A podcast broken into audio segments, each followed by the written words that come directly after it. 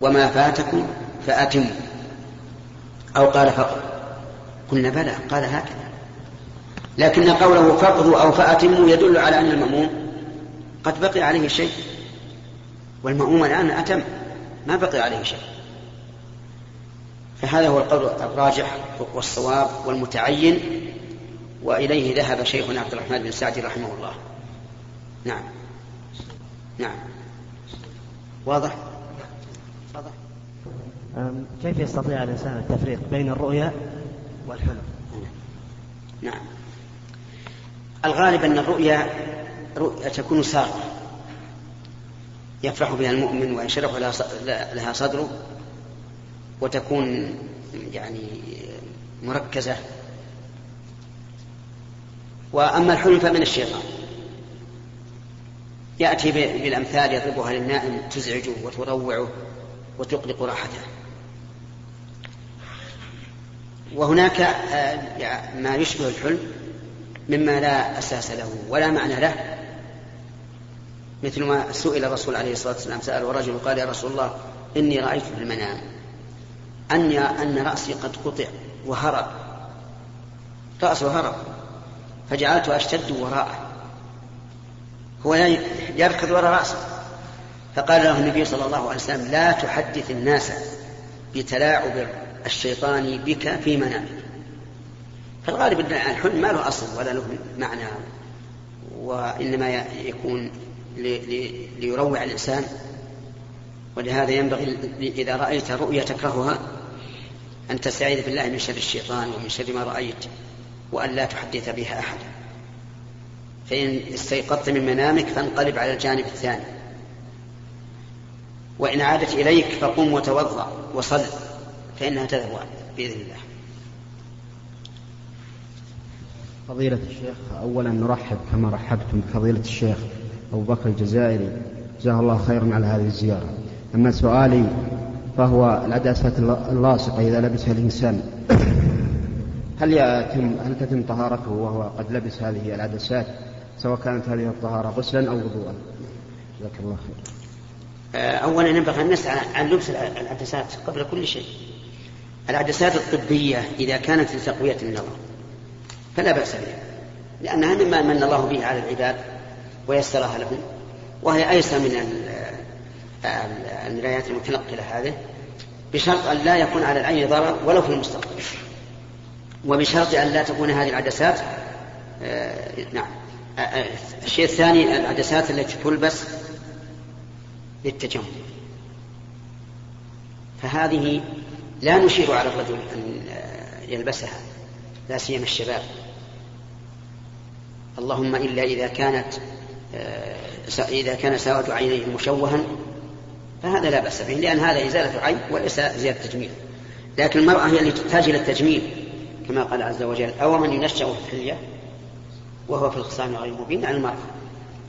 لا بأس أن تلبس هذا التجميل بشرط أن لا تكون على شكل أعين الحيوان كأعين القطط والأرانب وما أشبهها لأن مثال الحيوان لم يأتي في القرآن والسنة إلا على وجه الذنب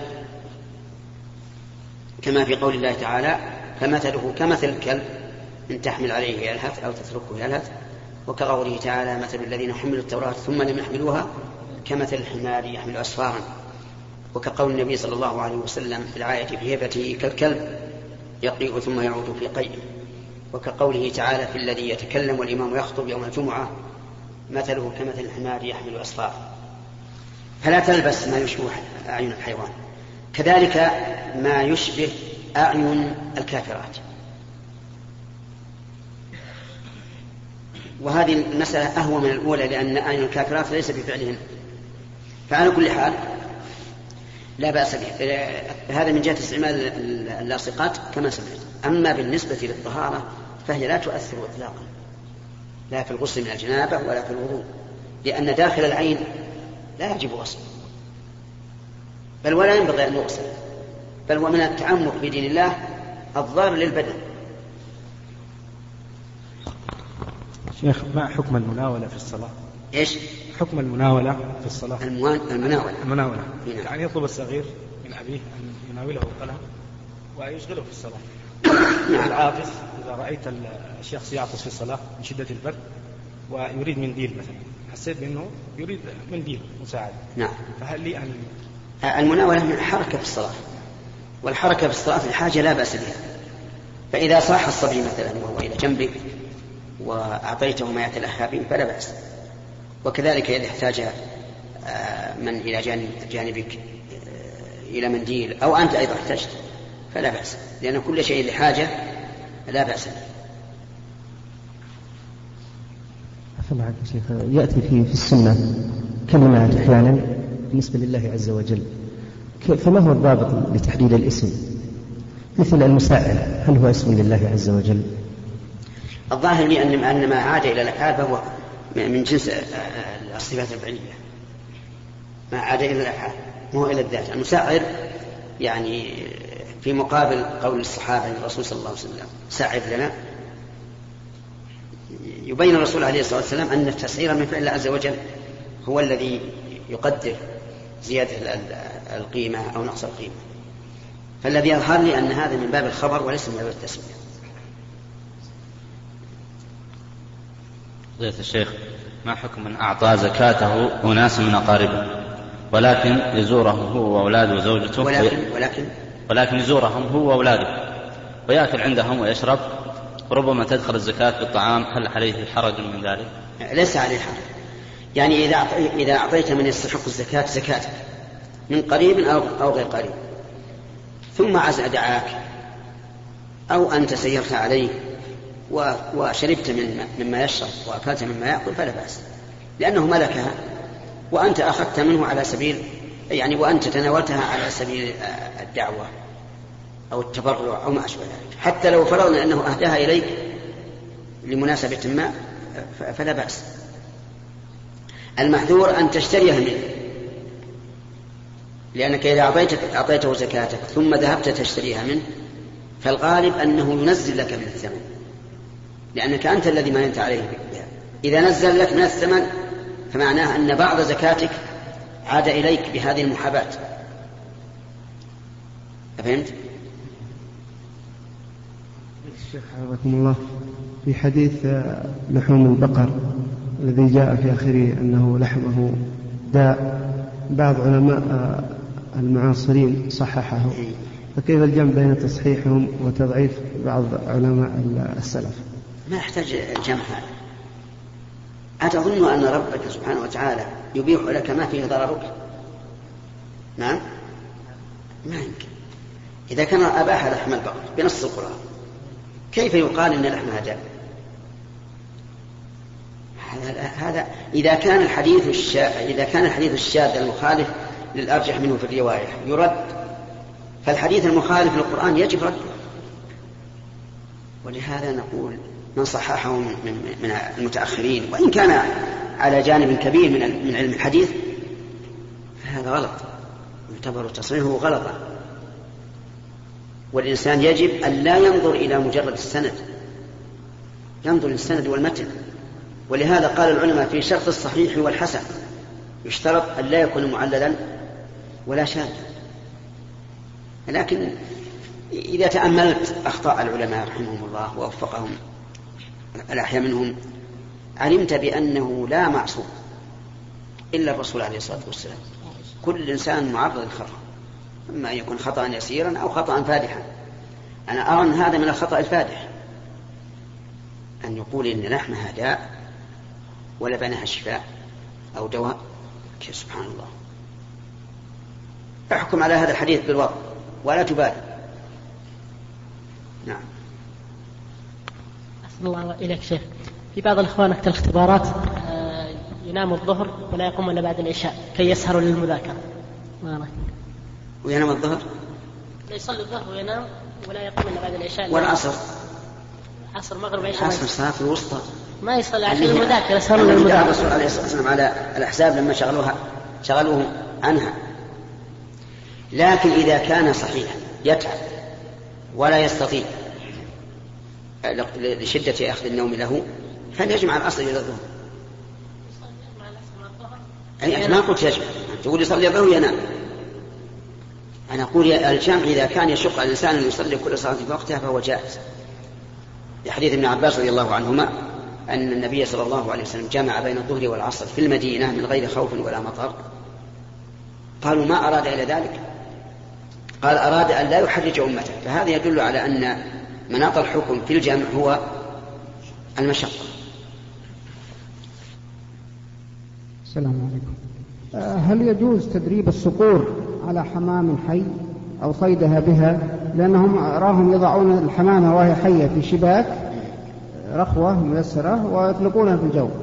فينقض عليه هذا الصقر ويمزقها وتنشب مخالبه في الشباك فيصطادونه. فهل هذا جائز؟ يصطادون الصقر؟ الصقر بالحمام الحي. لكن كيف يصل إلى الحمامة وهي في الشبك؟ الشبك يلبسون كالثوب يعني على طويل على قد أجنحتها ويطلقونها على مسافة بحبل طويل. ثم يتركوا يختبئون. فيجيء الصقر يظنها حية ويهاجمها ويمزقها. يظنها حية. إيه يراها حية. هي حية لا لا هي حية. ما. هي حية ويدربون على حمام حي. يأتون كل يوم كل يوم بحمامة حية. أنا رأيت شخص منهم يأتي كل يوم يدرب صقره بحامة حية يربطها في حبل ويدعاه تطير. ثم يدرب عليها الصقر فإذا اصطادها شجعه بمكافأة قطعة من لحم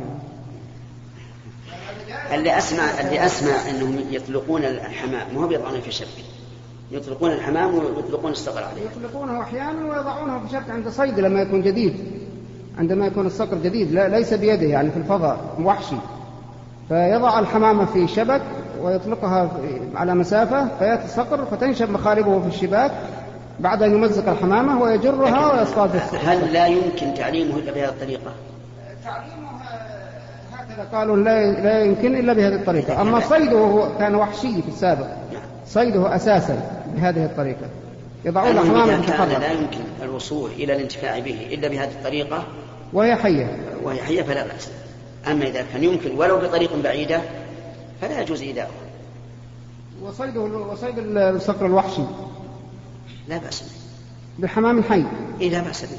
إذا لم يكن إلا, بهذا ولم يكن تعذيب للحيوان. تعذيب لمصلحته مثل ما نعذبه بالوسم لمصلحته. جزاك الله خير يا شيخ.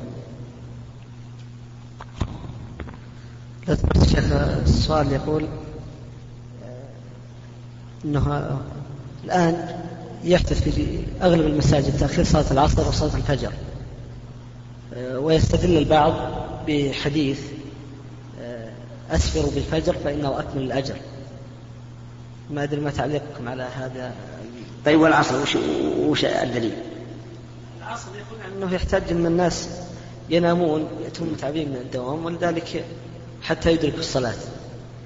القاعدة الشرعية التي تدل عليها السنة أن الأفضل تقييم الصلاة الصلوات الخمس كلها إلا العشاء فالأفضل تأخيرها ما لم يشق وإلا الظهر في شدة الحر. الفجر ورد حديث في صحته نظرا إن الرسول عليه الصلاة والسلام أمر بتأخيرها في ليالي الصيف الليالي القصيرة وبتقديمها في ليالي الشتاء آه، وأما حديث اسفل بالفجر وما أشبه ذلك فالمعنى آه، له أحد معنيين. إما أن المعنى لا تتعجل فيها حتى تتيقن الإسراف أو المعنى اطيلوا القراءة فيها حتى آه، ينتشر الإصفار ويتبين فضيلة الشيخ سمعنا فتوى تنقل عنكم تأكد من صحتها. نعم. أنه لا يجوز صيد الضب بالسلاح. لأنه مقدور عليه. أما الذي معك بيدك من الضبان فلا بد من ذبحه لأنك قادر عليه. وأما الطليق فلا, فلا, فلا تقدر عليه. إن قدرت عليه فلا يجوز إلا بذبحه وإن لم تقدر فيجوز أن أن تصيده بالبندق. إذا كان البعير الآن إذا ند وشرع ولم تقدر عليه يجوز ترميه وتقتله بالرمي. أو إذا وقع في بئر ولم تتمكن من النزول إليه لنحره فبالبندق كيف عدد الضبط وأنت إذا إذا سمعت عني شيئا تستنكره فاتصل بي لأنه كثير ما ينقل عني وعن غيري من العلماء. أشياء ما هي صحيحة. إما أنها كذب محض أو أن السائل سأل ولم يحل الجواب أو سأل على غير وجه الواقع فأجيب بحسب سؤاله أو أنه يريد تشويه السمعة لأن النقل عن العلماء إما أن يكون خطأ في السؤال أو خطأ في فهم الجواب أو إرادة السوء ولم يقع شيء أبدا من هذا. فإذا سمعت عن أي عالم من العلماء ما تستنكره اتصل به حتى تكون على يقين نعم. اليمين. الله يحفظكم شيخ. بالنسبة لتفسير القرآن نعم. كثيرا ما يقرأ تفسير القرآن ثم ينسى. فما هي؟ ينسى أقول. نعم. فما هي أفضل يعني الطرق أو أيسر الطرق لتثبيت هذا فهم التفسير؟ أيسرها بارك الله فيك التعاهد. فقد أمر النبي صلى الله عليه وسلم بتعاهد القرآن وقال تعالوا هذا القرآن فوالذي نفسي بيده له أشد تفلتا من الإبل في عقولها فأحسن شيء أن تتعاهده. من السور ما يكفي أن تتعاهده مرة في الأسبوع منها ما يحتاج إلى مرتين ومنها ما يكفي مرة في خمسة عشر يوم. هنا ها؟ التفسير ولا الحفظ؟ التفسير ما التفسير إذا نسيته فراجع. ها؟ الأولى قراءة تفسير السلف للقرآن أم اللغة؟ لا لا. أما الاهتمام بالاستغاثة اللغوية؟ لا لا الأولى تفسير الأولى تفسير السلف. لأنهم أعلم الناس بمعنى القرآن. السلام عليكم.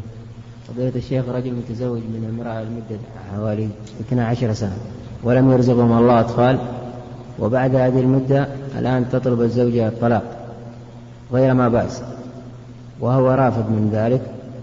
فما هو المترتب عليه؟ وأهل, وأهل المرأة يلحون عليه بالطلاق. هذه بارك الله فيك لا ندري أه- السبب من الرجل أو من المرأة. أن أهل الزوج عمل لها عمل بعدم الخلفة. وهي تطالب بذلك تقول لا تستطيع العيش مع هذا الرجل لأن أهله عملوا لها عمل. يعني الرجل ما يستطيع جامعها؟ جامعة. إيه؟ لكن لا حمل بينهم. نعم. إيه؟ على كل حال ينظر إذا كان البلاء من الزوج فللزوجة الحق في طلب الطلاق. فإن لم يطلق طلق عليه القاضي. أما إذا لم يكن فيه خلل فينظر إلى وليس, الزوج. وليس فيها خلل أيضا. أي نعم. إذا لم يكن خلل من هذا ولا هذا فبقاء النكاح بحاله هو الصواب. شيخ يطلبون لحاها طيب وليش ما يبي شاف حكم من أهله وحكم من أهلها يعني اثنين من ذولا واثنين من ذولا أو واحد من ذولا وواحد من ذولا. ينظرون في الموضوع. الآن يا شيخ هم لجأوا إلى المحكمة. طيب الحمد لله. ما دام لجأوا المحكمة ينتهي الموضوع. نعم. شيخ بارك الله فيك. يا. بعض أنت لست ضيفا. الشيخ أتى إليه. لا ولو أتى إليك إذا انت أنت ضيوف لا بأس. فأهل الدار. لا الضيوف ما أعرف لكن أهل الدار أعرف يلا كما في ضيف فولك نعم. فضيلة الشيخ هناك شخص له زوجتين ورضع شخص من أحدهما فهل تكون الأخرى؟ من أحدهما ولا من إحداهما؟ نعم شيخ. من أحدهما ولا من إحداهما؟ اسكت يا رجل. نعم. الله أعلم من أحداهما أيه. ما تعرف النحو. شوف إذا قلت من أحدهما يعني أنه رجال. نعم. وإذا قلت من إحداهما يعني أنه نساء. ولا يمكن يضع من أحدهما طيب. إحداهما. نعم. فهل تكون الأخرى أم له من الرضاع أم لا؟ لا. الأخرى ليست أمه من الرضاعة يعني ما لها علاقة له علاقة على رأي جمهور العلماء أنها زوجة أبيه من الرضاع وزوجة أبيه من الرضاع كزوجة أبيه من النسب. الشيخ الإسلام رحمه الله يرى خلاف ذلك. يقول الرضاع لا يؤثر في المصاهرة يقول النبي صلى الله عليه وسلم يحرم من الرضاع ما يحرم من النسب. وزوجة الأب حرام على الابن من جهة المصاهرة عرفت الآن؟ نعم. فصارت الزوجة الثانية فيها خلاف بالنسبة للمرتضى.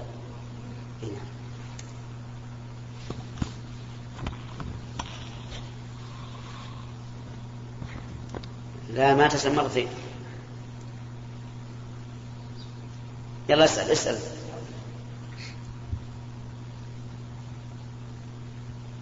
اسأل ولا روح الوقت عليكم ما بقى دقيقتين الآن؟ يا شيخ بارك الله فيك. كيف نجمع بين الله قول الله تعالى بين بين قول الله تعالى فخرجنا مكانا فيها من المؤمنين وما تركنا فيها غير بيت فما وجدنا.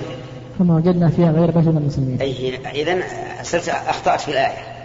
أنت قلت فما تركنا وهي فما وجدنا. ما في إشكال. الآن كيف نجمع بينهم لأن الدار دار لوط عليه الصلاة والسلام دار إسلام. بيته اللي فيه مسلمين. حتى زوجته الكافرة ما تعلن كفرها. لكن لما أراد الله إنجاء أهل الدار أنجى المؤمنين الذي إيمانهم ظاهر وباطن ظاهر وباطن. فبقيت فيها لأنها مسلمة وليست مؤمنة. فهمت؟ اتضح لك ولا لا؟ طيب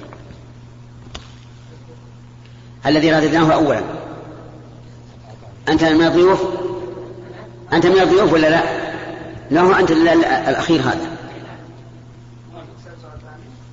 أسأل بارك الله فيك بعض الناس أو بعض الدعاة بعض الناس إيش؟ بعض الدعاة يتهم داعية آخر فإذا قيل له في ذلك قال حدثني رجل معروف بعلمه وعدله. فإذا قلت تثبت قال التثبت في فيما إذا كان الناقل فاسقا.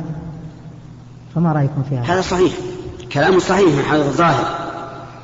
أنه إذا أخبرك رجل ثقة لا حاجة للتثبت. لأن الله قال يا أيها الذين آمنوا إن جاءكم فاسق بنبأ فتبينوا لكن قد يكون الإنسان ثقة ولكن له هوى. فتضعف الثقة من هذه الناحية. نعم. خذ المسجل. بارك الله فيك يا شيخ. أشكل علي أو الجمع بين قوله تعالى يوم يخرجون من الأجداث سراعا كأنهم كأنهم جراد منتشر وقوله سبحانه وتعالى يوم يخرجون من الأجداث سراعا كأنهم إلى نصب يوفضون. يعني كأنهم يعرفون طريقهم إلى علامات يذهبون إليه. أن تدري يوم القيامة كم من يوم؟ كم؟ خمسين ألف سنة. طيب تتغير الأحوال. فهم كأنهم جراد منتشر ثم بعد ذلك يهتدون إلى إلى الطريق ويسعون بارك الله انتهى الوقت. لا. عندك سؤال أنت؟ أنا أسأل ما يخالف. هل إذا كان في عقد النكاح قال أريد مبلغا من المال ولكنك تحضر ذهب ولكن إيش؟ تحضر الذهب.